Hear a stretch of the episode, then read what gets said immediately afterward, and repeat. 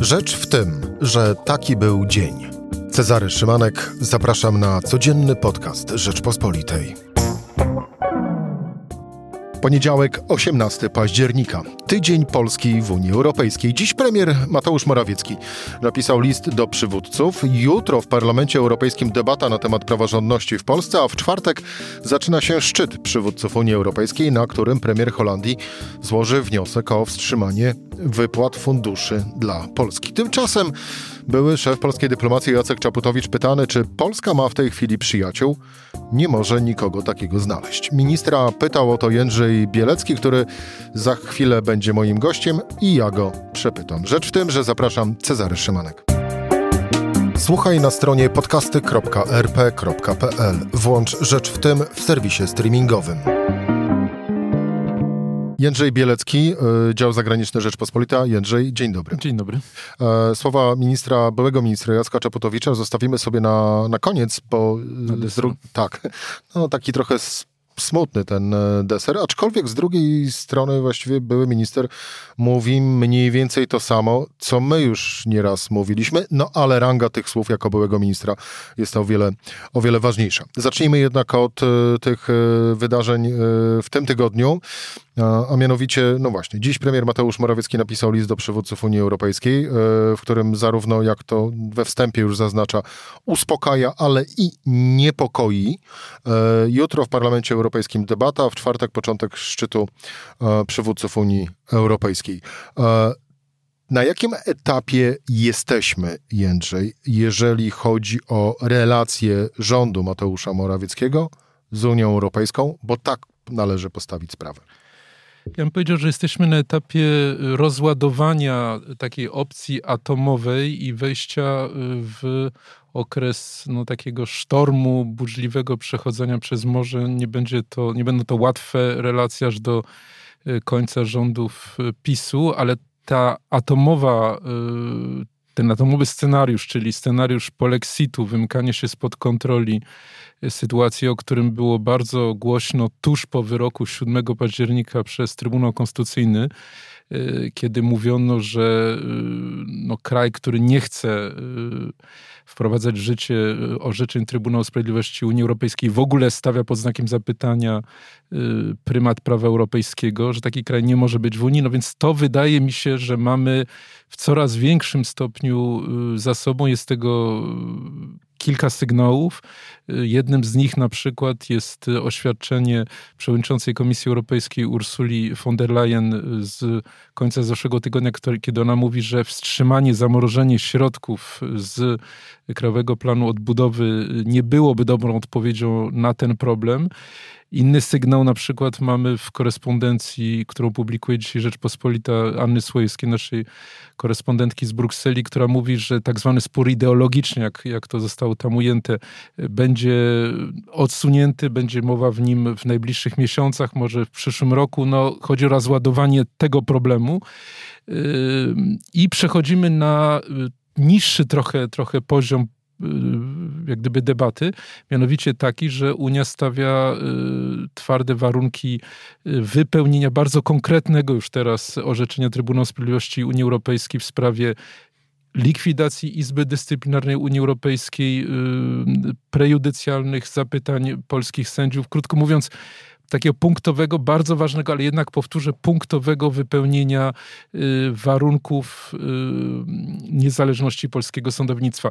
Y, tutaj wspomnieliśmy o, o apelu Marka Rutte, o, o, apelu premiera Holandii. To był apel, który został wystosowany dzień po tym orzeczeniu czwartkowym i od tego czasu Oficjalnie żaden inny przywódca Unii Europejskiej nie powtórzył tego, chociaż oczywiście są sygnały, że ten apel nie pozostaje bez pewnej sympatii w Kopenhadze, w Sztokholmie, ale to nie są już oficjalne deklaracje, więc jak gdyby jest próba z obu stron, no bo też musimy chyba powiedzieć o tym liście, którym dzisiaj... No właśnie, to ja zacytuję ów list, e, zanim do niego przejdziemy, a właściwie jego początek.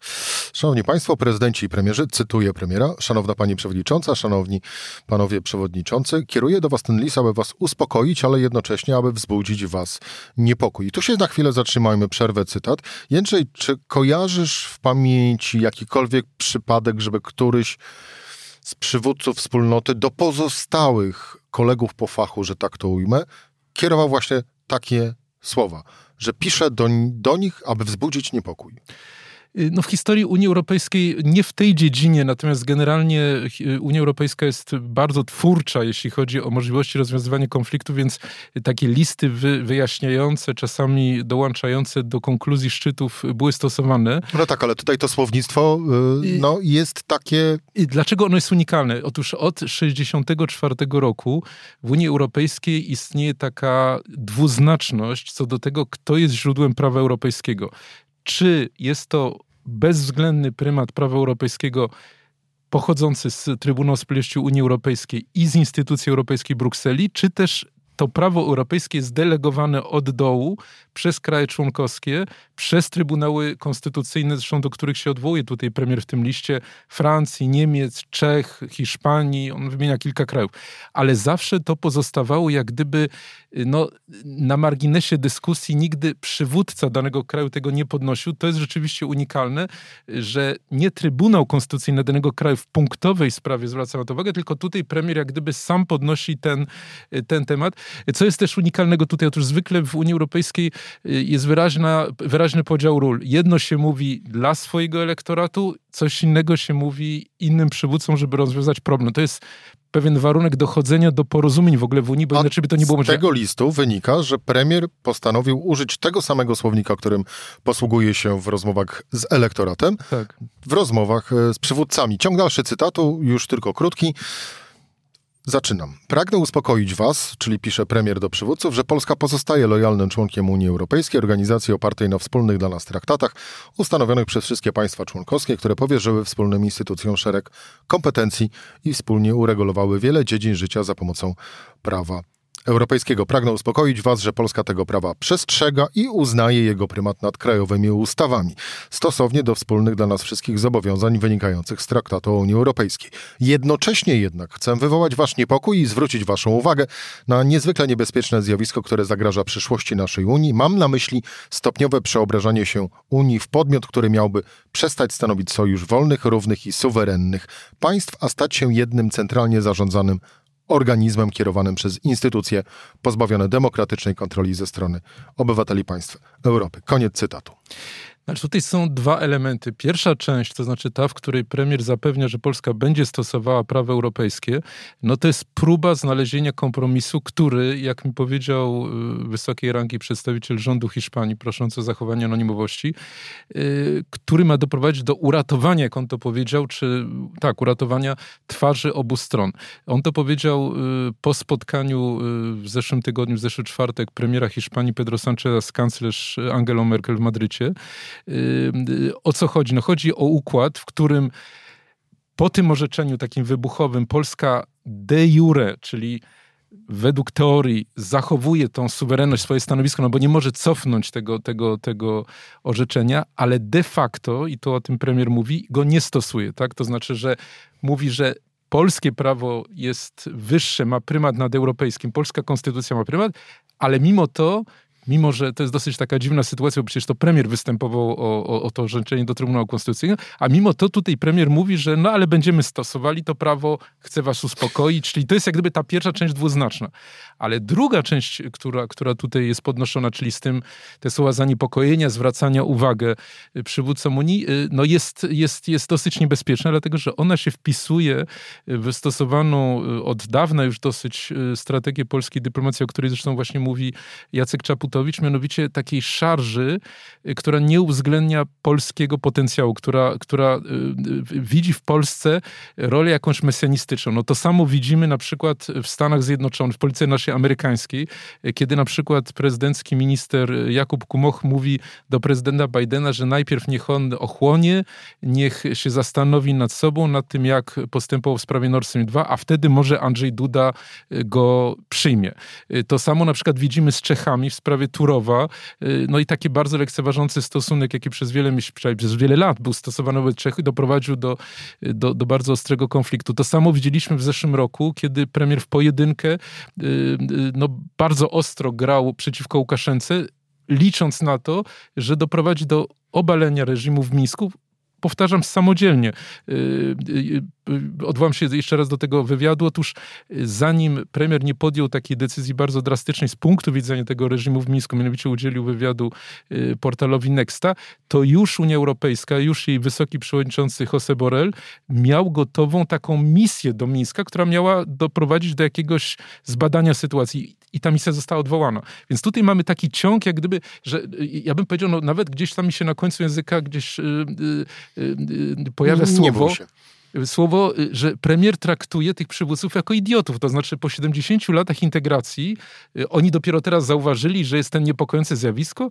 Znaczy, że co, że na przykład Francja, która biorę jako jeden z, y, jako przykład, Francja, która no jednak tożsamość Francji no nie jest słabsza niż tożsamość Polski, to nie jest naród młodszy od polskiego narodu, to nie jest naród, który ma mniejszą kulturę i co? I on nie zauważył nagle, że jest jakieś zagrożenie dla jego tożsamości. Polski premier Mateusz Morawiecki dopiero im ma, ma otworzyć oczy. No gdzieś tam jest tu pojawia się taka, taka, y, no taka no pogarda dla tych innych krajów. To ta, dosyć charakterystyczna. Y, też mamy przecież to samo z, z, z Wielką Brytanią i z wezwaniem, y, z wezwaniem przez wiceministra Welsenka, ambasador Wielkiej Brytanii i pouczanie, czym jest demokracja po, po tym, jak, jak Brytyjczycy nie zgodzili się na wjazd Rafała Ziemkiewicza do, do Wielkiej Brytanii. Polska poucza jedną z najstarszych demokracji świata, czym jest demokracja, czym jest wolność y, słowa. Pamiętamy ten tweet wiceministra, który mówi, że on musi dopiero się przekonać, czy rzeczywiście ci Brytyjczycy respektują. Więc, więc jak gdyby mamy dwa elementy, powtarzam. Jeden to jest tam bardzo rozstanna próba znalezienia kompromisu, no ale zaraz potem znowu ta polska tendencja do takiego szarżowania dobrym podsumowaniem tego wątku będzie yy, cytat kolejny, ale tym razem właśnie z twojej rozmowy z ministrem, byłym ministrem Jackiem Czaputowiczem.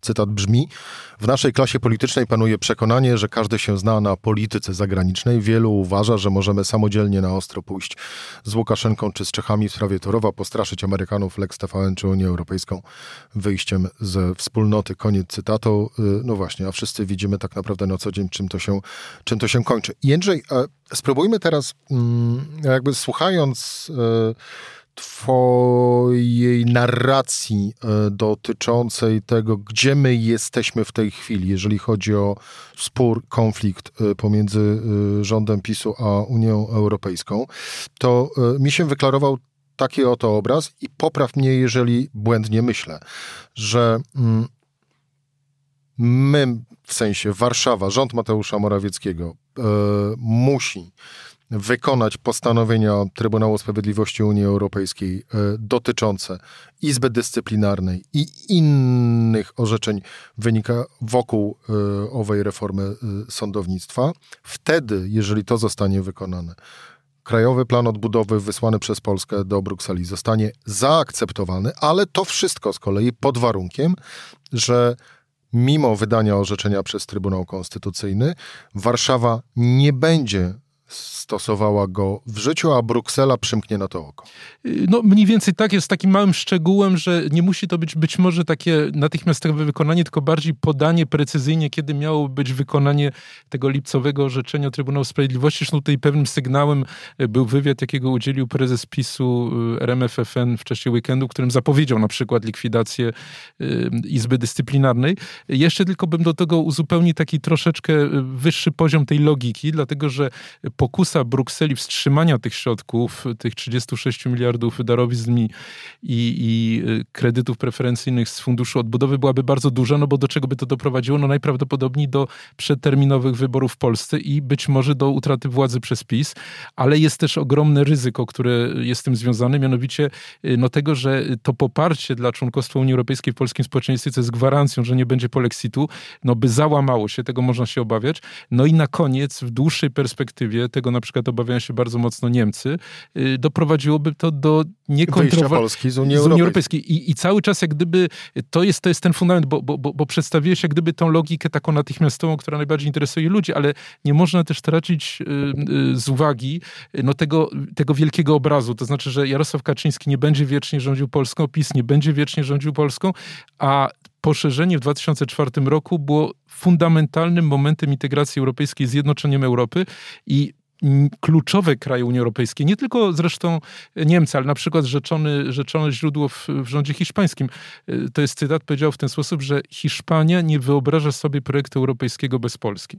Nie wyobraża sobie projektu europejskiego bez Polski. To jest gdzieś miara większej odpowiedzialności niż niestety mamy z nią do czynienia w Polsce. To znaczy y, wielu polityków stawia na własną karierę, że za rok będzie wiceministrem, a za dwa lata prezesem jakiejś spółki, a niestety bardziej odpowiedzialni są często przywódcy zachodni, którzy prostu wiedzą, że kiedyś y, nie będzie całej tej ekipy.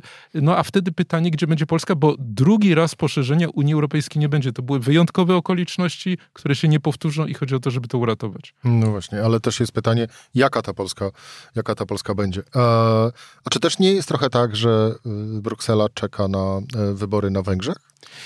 To jest na pewno bardzo ciekawy element, na który zwracasz uwagę. Zdecydowanie wiosną przyszłego roku sondaże w tej chwili są bardzo wyrównane. Zjednoczona opozycja ma 47% y, według tych sondaży z zeszłego tygodnia.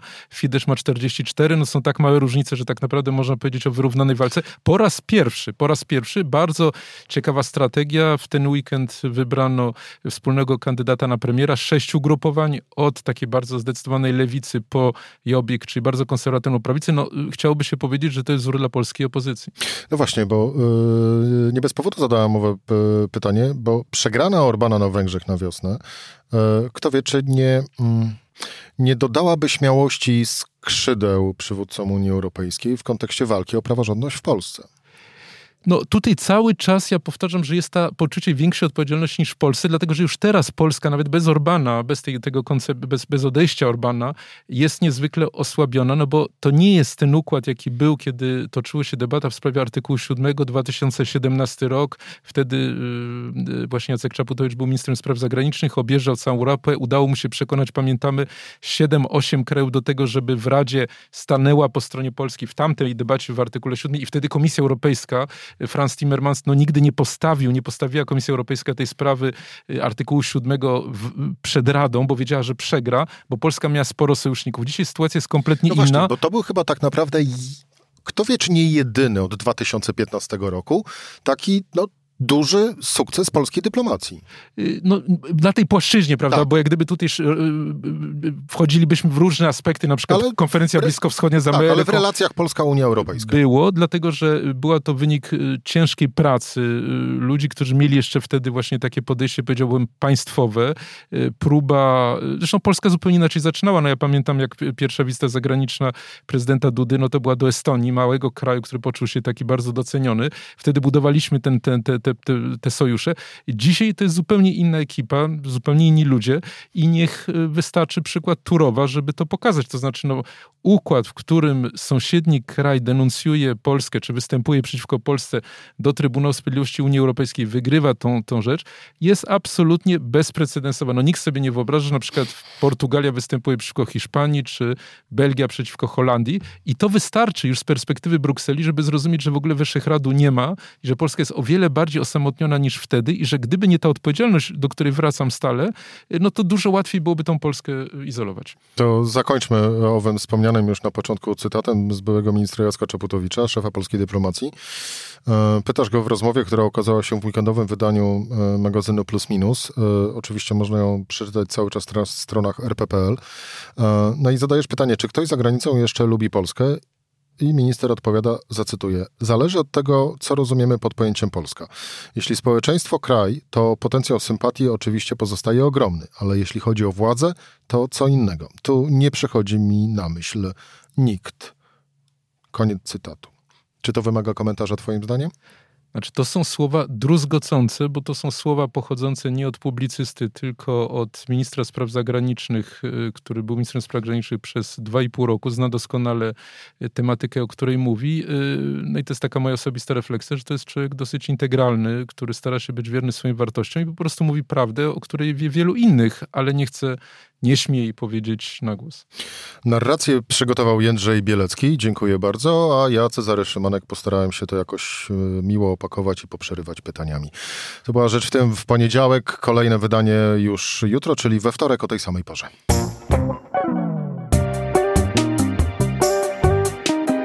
Rzecz w tym to codzienny program Rzeczpospolitej. Od poniedziałku do czwartku o godzinie 17. Słuchaj na stronie podcasty.rp.pl. Włącz Rzecz w tym w serwisie streamingowym.